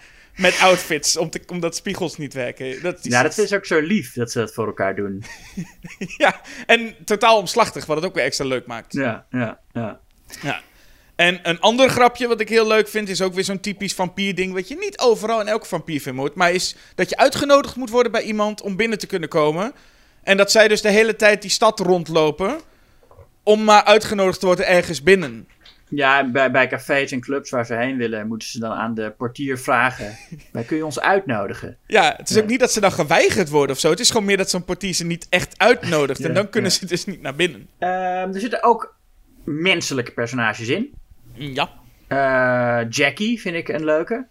De, Ja, een familiar. de familiar van, eh, van Deacon. Die zelf ook een vampier wil worden. En het leukste vind ik eigenlijk dat het op haar op een gegeven moment lukt. En dat ze dan ook op dat vampierbal is. En hem dan verrast van... Hé, hey, kijk, ik ben ook een vampier. Eh, dat, ik vind dat zo leuk. Dat is zo'n, zo natuurlijk gespeeld. Hoe ze daar achter hem komt staan en zo haar masker afdoet. En, eh en haar tanden laat zien. Ja, het is, het is sowieso dat, dat hele natuurlijke spel. Is zo, Mhm. dat, dat is sowieso een hele leuke. Een ander ding wat ook gebeurt, is op zo'n feestje. Dan is er, er is een nieuwe vampier, Nick. Ja. En die loopt dan echt tegen iedereen te roepen dat hij vampier is. En dat hij Twilight is. Dat, Dat, dat is het leukste, vind ik. dat hij Twilight is, ja. En dat doet hij ook. Dan loopt hij in zo'n kroeg, geloof ik. Hmm. En dan loopt hij ook heel natuurlijk naar zijn vent toe. En dan zegt hij, yo, yo, ik ben vampier. En dan zegt die gast, oh, lachen man, ik ben een vampierjager. Ja. En dat is ook allemaal heel casual. Dat is ook zo'n comeback die je kan verwachten van iemand die gewoon in de kroeg zit en zegt, oh, leuk, ik ben een vampierjager. Ja. En dan totaal, zeg maar, eh, heel wat scènes later is het, blijkt dan dat die gast ook echt een vampierjager was. Ja, En dat vind ik ook een mooie combinatie van. En dat hele natuurlijke spel, waarbij je gewoon denkt: dit, dit zou bijna een registratie kunnen zijn. Van hij loopt als acteur rond en we kijken hoe mensen reageren. En dan dat dat nog een belangrijke rol is. Mhm. Ehm, dus dat, dat natuurlijke spel heeft er wel heel. eh, eh, nou ja, heeft daar heel, heeft er heel veel invloed op. ja en, en alles heel droog natuurlijk. Dat is eh, wat sowieso aan het werk van Waititi en Clement heel goed werkt. Is dat ze ehm, alles zo droog spelen. Ook dat, om, om op die vampierjager. Hè, dan, die heeft dan inderdaad Pieter in de fik gestoken. Of nee, niet in de maar het zonlicht is daar binnengekomen doordat die vampierjager daar binnenkwam. En Pieter is verbrand. En dan eh, eh, moet Nick gestraft worden. En dan zeggen ze van. eh, maar dat is allemaal heel zo mooi, rustig, droog gespeeld. Dat ze daar, dat ze daar staan en zeggen van. nou, je, moet, je bent nu verbannen uit ons huis. Indefinitely. En dan zegt hij: Oh, indef oh dus ik mag wel weer terugkomen. En zegt ze: Nee, indefinitely betekent dat, het, dat er geen einde aan zit. Maar misschien ook wel. En dan. nou ja. Ik, het, het, ik- we zijn eigenlijk de hele podcast alleen maar bezig met grappige scènes navertellen. Wat natuurlijk verschrikkelijk is om naar te luisteren. Dat weet ik niet of dat verschrikkelijk is om naar te luisteren. Maar Nou ja, ik weet, ook- ik weet ook niet hoe ik anders moet zeggen, Jasper. Wat er zo leuk is aan deze film. Zonder dingen na te vertellen gaat het moeilijk. Ja, we, kunnen, we gaan niet de hele film inderdaad eh, eh, eh, naast. Want dan kun je net zo goed de hele film inderdaad gewoon het script napraten. Eh, wat als we het hebben over dat realistische, een van de leukste toevoegingen, vind ik wel Stu. Ja. En ik denk dat het een van de leukste dingen is, wat ik zo begrepen heb, is dat Stu ook gewoon niet in de, in de veronderstelling was, de acteur die ook gewoon Stu heet, Hmm. niet in de veronderstelling was dat hij zo'n grote rol zou krijgen. Ah. En je voelt het ook aan zijn spel namelijk. Ja, Stu Rutherford is het. Ja, en zijn, zijn spel is ook heel goed, omdat hij heel zacht praat, heel ongemakkelijk ook wel is. En ik bij hem bijna geen momenten dat ik het gespeeld vind. En dat is dus juist heel knap. Ja, en dat, ik, dat is ook zo eh, typisch eh Taika Waititi. Die zit ook in Flight of the Conchords, een, een sitcom die hij maakte met eh, eh, ook eh, Jermaine Clement en Brad McKenzie, die samen dus de band Flight of the Conchords hebben.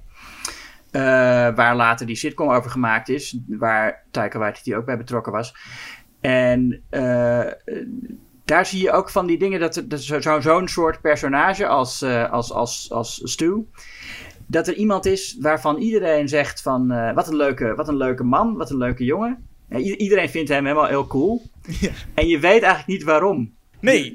Geen moment dat die Stu iets doet waarvan je denkt, oh, ik, ik snap waarom ze hem cool vinden. Maar iedereen zegt, ja, nee, Stu is te gek. Stu is tu- natuurlijk is Stu al overal welkom. weet je wel?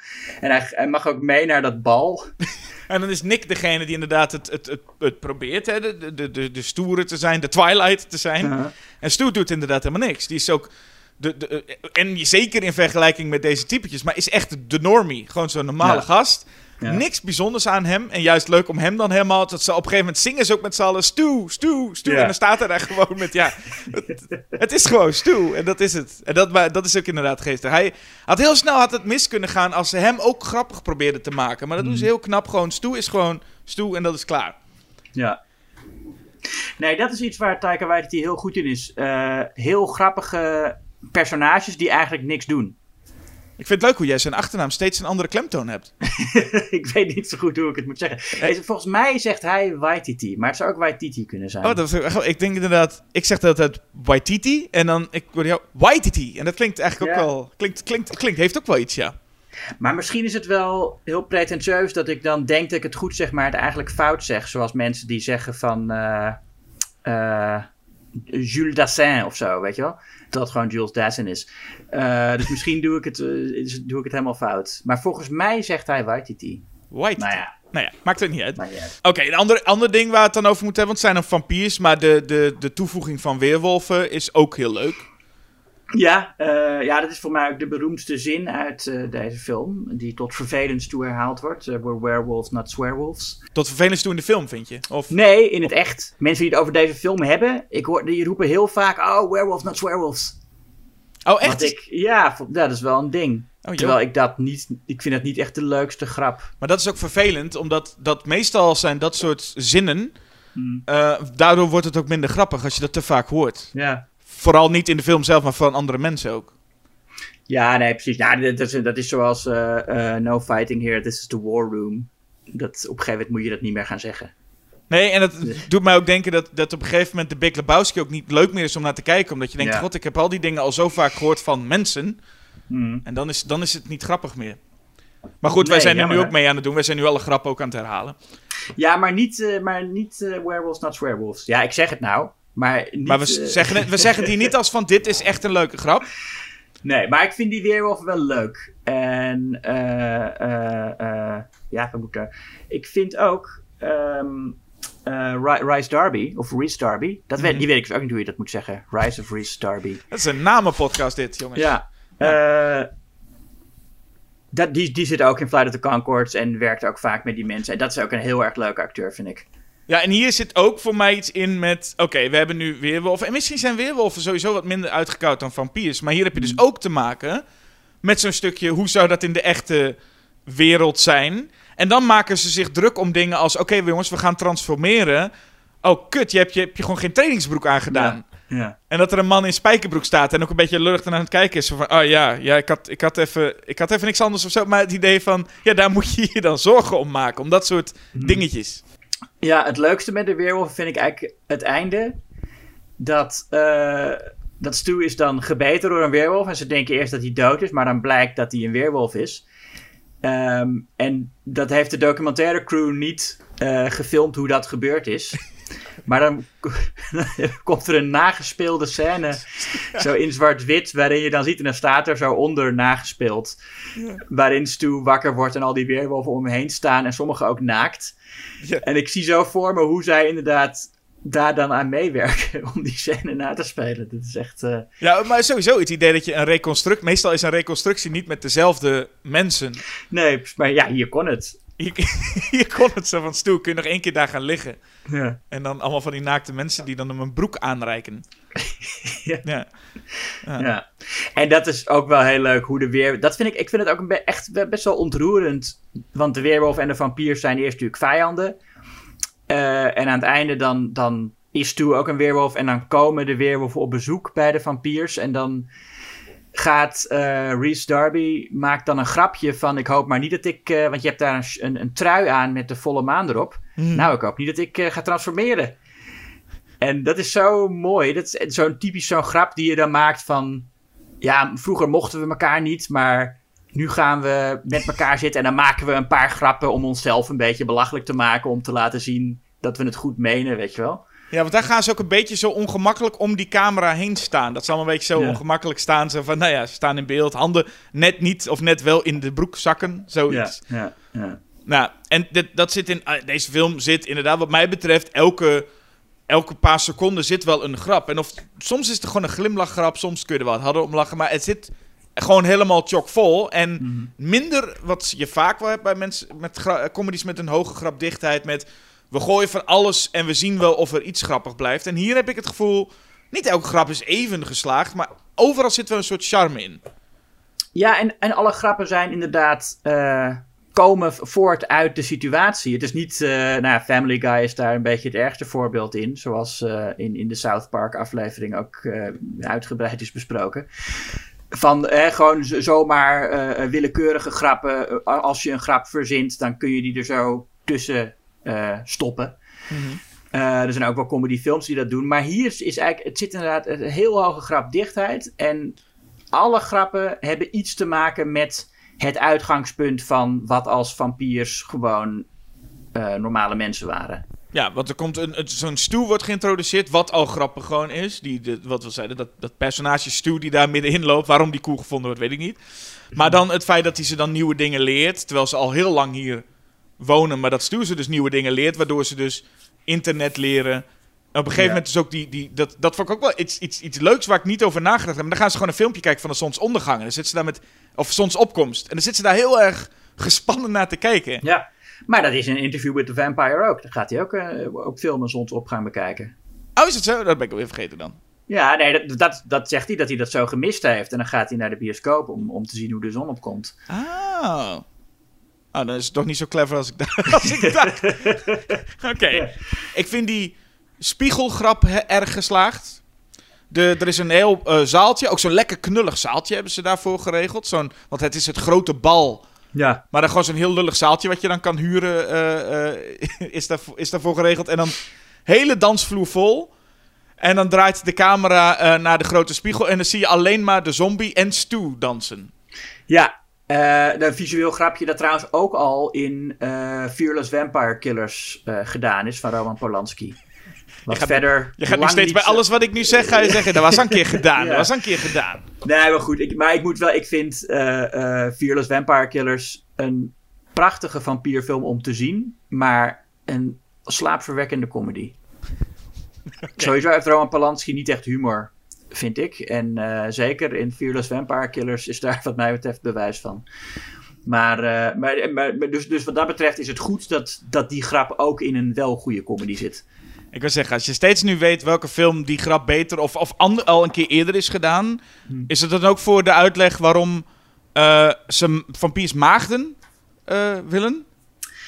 ik kan me niet voorstellen dat niemand dat ooit eh, gezegd heeft, moet ik eerlijk zijn. Maar ik, kan, ik zou niet weten in welke film dat eerder gezegd is, nee. Nou ja, ik maar ja, ik, ik, vind- ik vind het leuke eraan eh, dat hij zegt dus, als je een boterham eet, wil je niet dat iemand hem heeft geneukt. En eh, wat, je- wat, wat je volgens mij een beetje zou verwachten, dat hij zegt, als je een boterham eet, wil je niet dat iemand eraan gelikt heeft of zo. En dan zou het een beetje een slut-shaming grap zijn. Maar het feit dat hij zegt, wil je niet dat iemand die boterham heeft geneukt, is ook, ja, natuurlijk. Want ja, en, en je eet die mensen ook. Je drinkt hun bloed, maar dat is ook een soort eten. Ja, ja. Ja, nee, precies. Dus het is eh, een, een, eh, goed, een goed argument. ja. En daar zit ook, ik bedoel, de film is een horrorcomedy, hoewel het voornamelijk echt een comedy is. Er zit wel Mhm. bloed in. Ja. Eh, met name dan als eh Viago dus zijn... eh, ja, iemand, misschien wel een van de bekendere scènes is dat hij dus een, een, een, een dame heeft meegenomen. Eh, en, dan, en terwijl, die, terwijl hij die dame dan ook vraagt van... Nou, vertel eens over je, wat je doet en zo. Dat hij allemaal kranten neerlegt. Maar hoe die er dan ook inderdaad toch wel... van- Nou, in de, in de, ook wel zegt van... En dat zegt ook iets over zijn personage. Van, ik wil er toch, ik wil, ik wil er toch een momentje van maken, ook voor hen.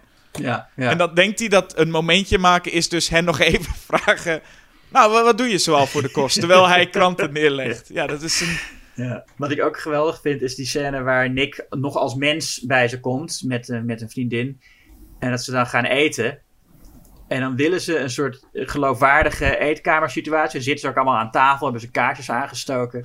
Maar dan staan er twee borden. Daar heeft hij gewoon zo'n blik biscotti dat hij dan op die borden gooit. Twee maaltijden. En dan gaat hij er zo achter staan. Eh, ja, ben ik toch weer een scène aan het navertellen. En wat ik ook grappig vind, is dat ze dan ook nog zeggen dat het wormen zijn. Zoals in. eh, nou ja, daar, weet je, daar, daar noemen ze zelf waar het vandaan komt. Uit eh, Lost Boys. Eén ding wat, want we hebben waarschijnlijk ook nog wel even over die serie. En eh, er zijn dus best wel wat spin-offs hiervan. Ik noemde al dus dat het eerst een korte film was. Maar er komen op een gegeven moment twee gehypnotiseerde agenten binnen. Ja. Die ook heel leuk zijn. Het, het, het, gewoon, het, is een, het is een enigszins voorspelbaar grapje, maar het is wel leuk hoe agenten binnenkomen. De hele tijd, eh, Viago zegt ook nog, ik heb ze gehypnotiseerd, maar ik weet niet zeker of het werkt. En als iedere keer lopen ze dan even met, "Oh, wat zie ik daar? En nou, dat is dan, het is een beetje, ja, een, een vrij Geen, typisch- geen rookalarm. ja, ik zie hier Ja. geen rookmelders. En iedere keer denk, denk je, oh, ze zien wat. Nou, deze twee agenten, eh, Mike Minogue en, en Karen O'Leary, die speelden ook in een spin-off serie eh, getiteld Wellington Paranormal. Dus eigenlijk heeft deze film ook een, in ieder geval op dat vlak al een spin-off serie gekregen. Mhm. Maar misschien nog wel veel bekender is eh, de tv-serie What We Do in the Shadows. Ja. En, En? die is eigenlijk. Nou, daar kun, daar kun je deze film echt wel zien als blauwdruk. Je ziet echt wel heel Ja. duidelijk dat deze film. Zoals je noemde net al Jackie, die heel leuk was, zo'n familiar. Mhm. En ik kan me ook echt voorstellen dat ze. Waarom ze ervoor gekozen hebben om dat nou een hoofdrol te maken, juist een belangrijke rol in de, in de serie. Ja, Guillermo. Gu- eh, Guillermo ja. Ehm, ja, en ik moet zeggen, ik vind die serie echt leuker dan de film. Ja, daar ga je. Ik vind, eh sterker nog, het is, nou ja, de, in, de, in de eerste Wacht, sterk- aflevering... sterker nog. Wacht even, je zegt ik vind hem beter dan de film. Sterker nog, nou ben ik benieuwd. Nou, in de eerste aflevering zit één zin waar ik harder om moet lachen dan eigenlijk alles wat er in de film gebeurt. Namelijk dat, ehm, dat, hij, eh, boot- dat, hij, dat hij versiering wil voor, ze, voor, voor het huis en dat hij creppapier koopt. Omdat hij denkt dat het creepy paper is. Ja, oké. Daar kan ik zo om lachen. Ja, dat is echt de domste grap die er is, maar ja, Ja. dus dat, is, dat is mijn niveau qua humor. Ja, nee, dat is ook heel goed. Ik moet ook zeggen dat die. die ehm, ik, ik, ik, ik zelf ga niet, ik ga niet een wedstrijdje maken van welke is nou beter. Ik vind dat deze film en de serie wel gewoon echt fijn bij elkaar passen. Het, het hoort ook echt. Het is ook gewoon hetzelfde universum. Hè? De personages eh, die we hier net bespraken in de film komen ook even terug in de serie. Ja. Eh, en ik zou zeggen, ik zou de, het beste van beide werelden willen nemen. Want ik, ik mis in de serie misschien Stu. Maar ik mis in de film misschien wel Colin Robinson. Wat ik echt een, een, een, een toevoeging aan vind. Waarvan ik denk dat die toevoeging is zo goed Ja, van de serie. Dat het niet, niet helemaal een. Ja, dat ze geen Energy Vampire nog hadden in deze film. Is bijna een gemis. Maar goed, ik vind het als geheel. Ik weet, ik neem de serie niet mee in eh, de beoordeling. Want jij, ik hoor het argument bijna van jou komen met. Ja, ik heb Oh, de ja. serie, dus waarom zou de film. Nou ja. ja, ja. ja. Oh, de- de- of, of, heb ik je nu. eh, eh, Nee, dat, dat, is, dat is inderdaad. Dat is, nee, dat is absoluut wat ik van plan was om te zeggen. En, eh, en ook dat ik, weet je, als ik dan. Ik vind Jermaine Clement heel leuk. Maar dat, dan kijk ik gewoon Flight of the Concords. Dus ja. nee, ja, nee, ik vind What We Do in the Shadows geen noodzakelijke film in mijn leven. Oké, eh, we zijn dus daar al aangekomen, denk ik, hè? Genoeg gezegd over What We Do in the Shadows. Ja, eh, nou ja, de vergelijking dan nog even. Want dit is natuurlijk ook er wordt wel iets gedaan aan van hè, waarom filmen die mensen alles. En het begin wordt gezegd, ze, hebben, eh, ze dragen allemaal een crucifix en, en hen is veiligheid beloofd.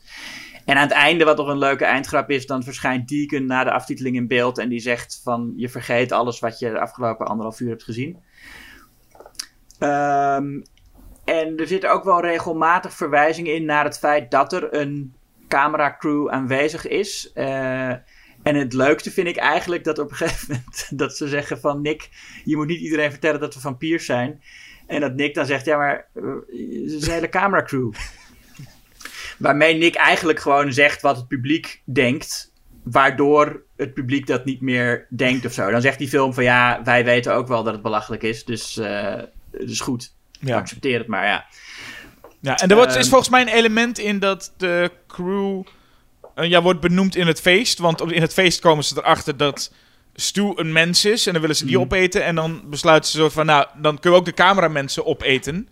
ja. En dat inderdaad eh, Vlad dan ook komt met van, nee, er wordt hier niemand opgegeten. Ja, misschien, misschien één cameraman dan. ja, ja. Eh, en er wordt volgens mij eentje ook echt opgegeten, dacht ik, door de, van- door de weerwolven. Ja, er is eentje die, die door de weerwolf eraan gaat, ja. Ja. Dus dat Ja. is wel vergelijkbaar met eh, de, de, de crew van Man Bites Dog. Je kunt Ja. zoiets gewoon niet filmen zonder eh, risico. Ja, ja, precies. Ja, maar goed, in Man bij het Hond zit natuurlijk veel meer echt dat commentaar op dit soort dingen. Ehm, aan de andere kant vind ik wel dat What We Do in the Shadows op de een of andere manier een realistischer versie is van zo'n eh, documentaire. Dat mensen meer op die manier doen als ze gefilmd worden. En een beetje gaan uitleggen van eh, wat ze aan het doen zijn. En allemaal een beetje van, nou misschien vind je dit interessant om te zien. Ja, misschien ook niet. Het doet me ook, doet me ook erg denken aan wat natuurlijk ook eh, een prachtig vroeg voorbeeld is van de 30 minuten serie van Arjan Ederveen. Mm. Ehm, ik weet niet of je dat ooit gezien hebt, maar dat, en, en later 60 minuten trouwens. Ehm, ja, die docudrama's eh, waarin mensen voor een camera gezet worden en zich afvragen eigenlijk wat ze moeten gaan vertellen. Dat is eigenlijk het interessante eraan. Ja, die, dat is dat, dat, dat ongemakkelijke wat hier dus inderdaad ook echt in zit. En ik merkte wel bij, eh, eh, ik, ik noemde al de verschil in stijlen bij Man bij het Hond met die, is het gemonteerd of niet gemonteerd. In, bij What We Do in the Shadows heb je een beetje ook twee stijlen. Eh, enerzijds heb je de, de, de ehm, ook proberen ze een beetje realistisch te doen. Een beetje te, te, te schudden met de camera, alsof ze het echt allemaal op dat moment aan het filmen zijn of meelopen. Eh, een van die dingen die ik me bijvoorbeeld kan voorstellen is een heel klein elementje, maar dat werkt altijd wel, is zo'n Viago die daar wat ongemakkelijk staat en even aan zijn borst krabt, waardoor je die zendermicrofoon hoort. Nou ja. Ehm, tegelijkertijd heb je hier ook af en toe dingen die een beetje mij deden denken aan een film als You the Living. Zo'n heel erg neergezet, eh, ongemakkelijk beeld. Bijvoorbeeld als ze, zo'n, als ze die instrumenten gaan spelen. Of als Deacon zo'n, eh, zo'n, zo'n dans Oh ja. gaat doen. Ja. Dan, en dat, dat zijn ook stijlen van documentaires natuurlijk die zo zijn. Maar dat voelde wel als een ander soort stijl. Maar ik moest dus heel erg aan Roy Anderson bij dat soort momenten denken. Ja. Hoe die Ja. zo'n, zo'n totaalbeeld neerzet en dat lekker even ongemakkelijk laat uitspelen. En daar spelen eh eh Waititi en... eh, Cement, ik weet niet, Clement, hoe zeiden we het nou? We spelen die ook heel erg mee. Clement. Ja. Dus, dus ook stijl, maar ik vind wel, als ik de twee films vergelijk, vind ik dus What We Do in the Shadows is, is consistenter qua gewoon vertelling en toon. En eh, ja, het ligt helemaal gewoon meer in, de, in, in één lijn. Ja. Eh, wat deels ook bedoeld is natuurlijk voor van, van Man bij het Hond om zo te wisselen qua toon. Maar ook gewoon de wat warrige vertelling. Ik vind het heel, een hele, hele simpele, goed te volgen film, What We Do in Shadows. En voelt niet, ondanks dat ze heel veel materiaal geschoten hebben, voelt het helemaal niet fragmentarisch eigenlijk. Van, oh, waar gaan we nu allemaal weer naartoe? Het is vrij duidelijk waar het allemaal naartoe gaat. Ja. Ja, klopt. Ja, ja, maar goed, ja. Wat, wat, wat verwacht je ook? Eh, als, ik een, als, ik, als, ik, als, ik een, als ik denk aan een geïmproviseerde film waar heel Ja. veel voor geschoten is, dan verwacht Nee, ik niet dat zoiets. waar. Ja. Nee, je hebt gelijk, je hebt gelijk, je hebt gelijk, je hebt gelijk. Ja, je hebt gelijk. Maar goed, Eh, desalniettemin eh, is C'est arrivé près de chez vous toch eh, de, de relevanter film, Jasper. En Ja, als je het de- zo zegt, dan wil ik ook, ga ik ook voor die film, man. Ja, nee, maar dat vind ik... Kijk, hij is lang niet zo grappig, vind ik. Maar het is wel ehm, een indrukwekkender film. En een film die wat langer bij me blijft dan What We Do in the Shadows. Eh, want op het moment, dat is wel waar hoor. Uh, Deacon zegt aan het einde van je vergeet alles wat je gezien hebt. En dat is ook een beetje zo. Want ik heb hem nou drie keer gezien. En er zijn toch stukken, elke keer als Jackie weer in beeld verschijnt, denk ik, oh ja, die was er ook. Dat is toch Ehm, heerlijk? ja, nee, dat is fijn. Dan kun je die films vaker opnieuw zien. Maar in, in Cet arrivé près de chez vous, in, in Man bij het Hond, zitten eh eh scènes die ik niet meer ga vergeten. En ehm, ja, ik vind, hem, ik vind het ook zo goed gespeeld. Uh, Poelvoorde, die zo goed dat type man eh, neerzet. Ehm, die denkt dat de wereld eh, van hem is, weet je wel. En, dat, en, dat, en, en, niet begrijpt dat andere mensen eh, daar anders over denken. Dat vind ik echt een fantastische rol. En ja, de film is soms een beetje puberaal, vind ik. Er zijn momenten dat ik denk van nou ben je misschien te verlekkerd bezig met het chockeren. Maar ehm, dat, dat, dat kan ik wel eh, vergeven. Want zo ben ik, heel vergevingsgezind. Eh, dus nee, dan zeg ik toch dat arrivé près de chez vous de belangrijker film is om eh, bewaard te blijven.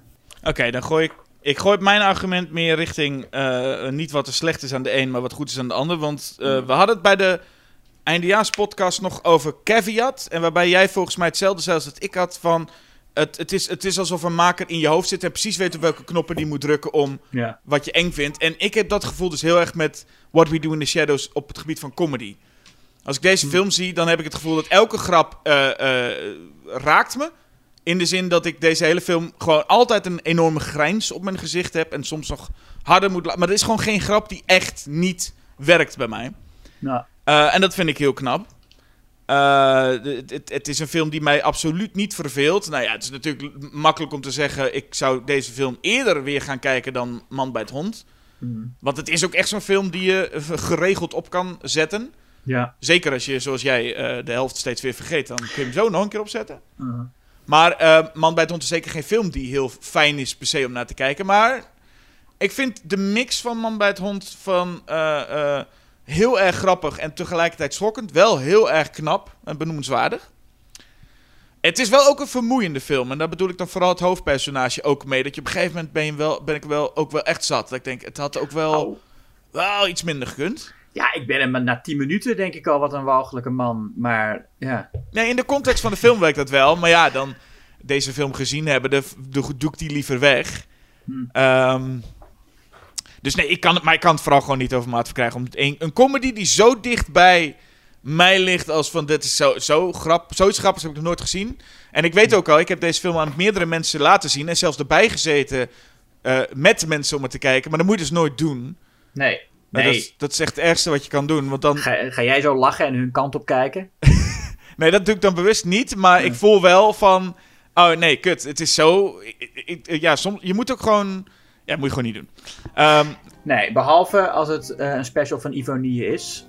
Dan kun je ervan uitgaan dat, het, eh, dat die mensen wel lachen. ja, maar die zitten qua, qua komisch niveau... eh, hoger dan bij deze films die we nu bespreken natuurlijk, hè? Ja. Hoewel Ivonie, die weet wel raad met zo'n man die ook als hij een duif ziet er helemaal op losgaat. Dat zou Ivo... dat zou, dat zou een leuke kroeggesprek worden, die twee. Ivo, Ivonie is ook een beetje zo'n type, toch? Hij heeft ook, Ivonie heeft niet de, de macho kant ervan. Maar Ivonie is een beetje toch de, de zachte versie die de, ja, ook, gedi- ook, ook dat gedichten voorlezen en domme flauwe grappen maken. Ik zie, ik zie, ik zie nu een, een, een, een soort van remake voor me met Ivonie. Dat moet heel goed zijn, denk ik.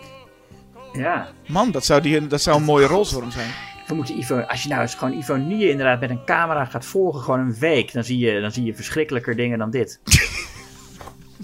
Goed. ehm, eh, ik wist niet dat het hierop ging uitlopen, maar dat geeft Nou niks. Ehm, ja, oh, trouwens, ik moet nog even benoemen. Maar er zijn veel, veel types films die in deze lijn vallen. Maar mocht er iemand nou zijn die zegt: hey, dit soort eh genrefilms eh, vind ik leuk, dan zou ik Behind the Mask, The Rise of Leslie Vernon, nog aanraden. Oh ja, die is ook erg goed, ja. Eh, want die valt echt wel een beetje in die categorie van een, een Ja. moordenaar die eigenlijk een beetje... Eigenlijk is dat wel de ideale combinatie van beide films die we net bespraken. Ja, die heeft meer, is meer ook een parodie op het genre van de slasher. Ja, maar het is een beetje in de, de, de, de, nou, het idee van, van eh, Man bij het Hond. hè? Zo'n moordenaar die laat zien hoe die te werk gaat. Maar het is wel een beetje de luchtigheid van What We Do in the Shadows. Niet zo grappig, maar ja, wel dus een moordenaar die à la Michael Myers of Jason Voorhees eh, aan de cameraploeg laat zien wat hij doet. En dat je dus ook eindelijk eens ziet hoe zo'n moordenaar lijken bijvoorbeeld klaarlegt om voor andere slachtoffers om ze te, nou ja, waar ze op betrapt kunnen worden. Ja. Eh, dus gewoon zomaar even een aanrader nog eh, tussendoor. Dacht ik, fiets die er nog even in. Heel goed, heel goed, heel goed. Maar goed, eh, de vraag aan de luisteraar is vooral... Wat zou je kiezen als je moest kiezen tussen een man bij het hond of wat wij in de schaduw doen? Ja, je moet inderdaad kiezen. Schrijf het antwoord op een blaadje papier of zo. En eh, eh, gooi dat uit het raam en dan komt het wel, wel goed. Maar wat je ook vooral moet doen, is deze podcast li- liken en eh, je abonneren erop. En als je dan toch je aan het abonneren bent, doe dat dan ook meteen even op het tijdschrift Schok het Nieuws. Dat dan regelmatig bij je door de bus komt vallen. Er is momenteel de VHS-special, ligt nu in de winkels. En ja, ha- ha- had je al kunnen hebben. Had je al op de deurmat kunnen hebben als je een abonnement had. Maar ja, weer laat mee. Ja, precies. Dat had je beter maar kunnen doen. Nou ja, maar niet getreurd, want er komt gewoon nog een, nog een over, over twee maanden heb je weer een nieuwe. Dus die kun je dan, eh, kun je dan eh, in, in huis hebben. Dus doe dat even. Via schokkendnieuws.nl natuurlijk. En eh, laat een waardering achter bij deze podcast en zo. Heb jij nog wat te zeggen, Jasper? Ik wil gewoon vooral vooruitkijken, Julius. Oh ja, dat gaan we doen. Dus wat, wat kan de luisteraar, als ze hier nog tot dusver geluisterd hebben, wat kunnen ze verwachten de volgende keer? Nou ja, ik denk eh, Deathline. Ik zeg gewoon de naam. Deathline en Dead and Buried. Ja, twee films van Gary Sherman. Ja, eh, Deathline ook bekend als Raw Meat. Ja, dus daar komen we ongetwijfeld op terug in de volgende aflevering. Oei. Ehm, maar voor nu Ja. zou ik vooral willen zeggen, Julius, bedankt voor het praten en het luisteren. Ja, ook bedankt voor het praten en het luisteren. En de luisteraar enkel bedankt voor het luisteren, maar dat wordt wel erg gewaardeerd. Als je terugpraat, vind ik het niet erg. Maar dan horen we je niet. Dat moet je wel weten. Nee, dus ik zou zeggen, de, tot de volgende keer. Tot de volgende keer.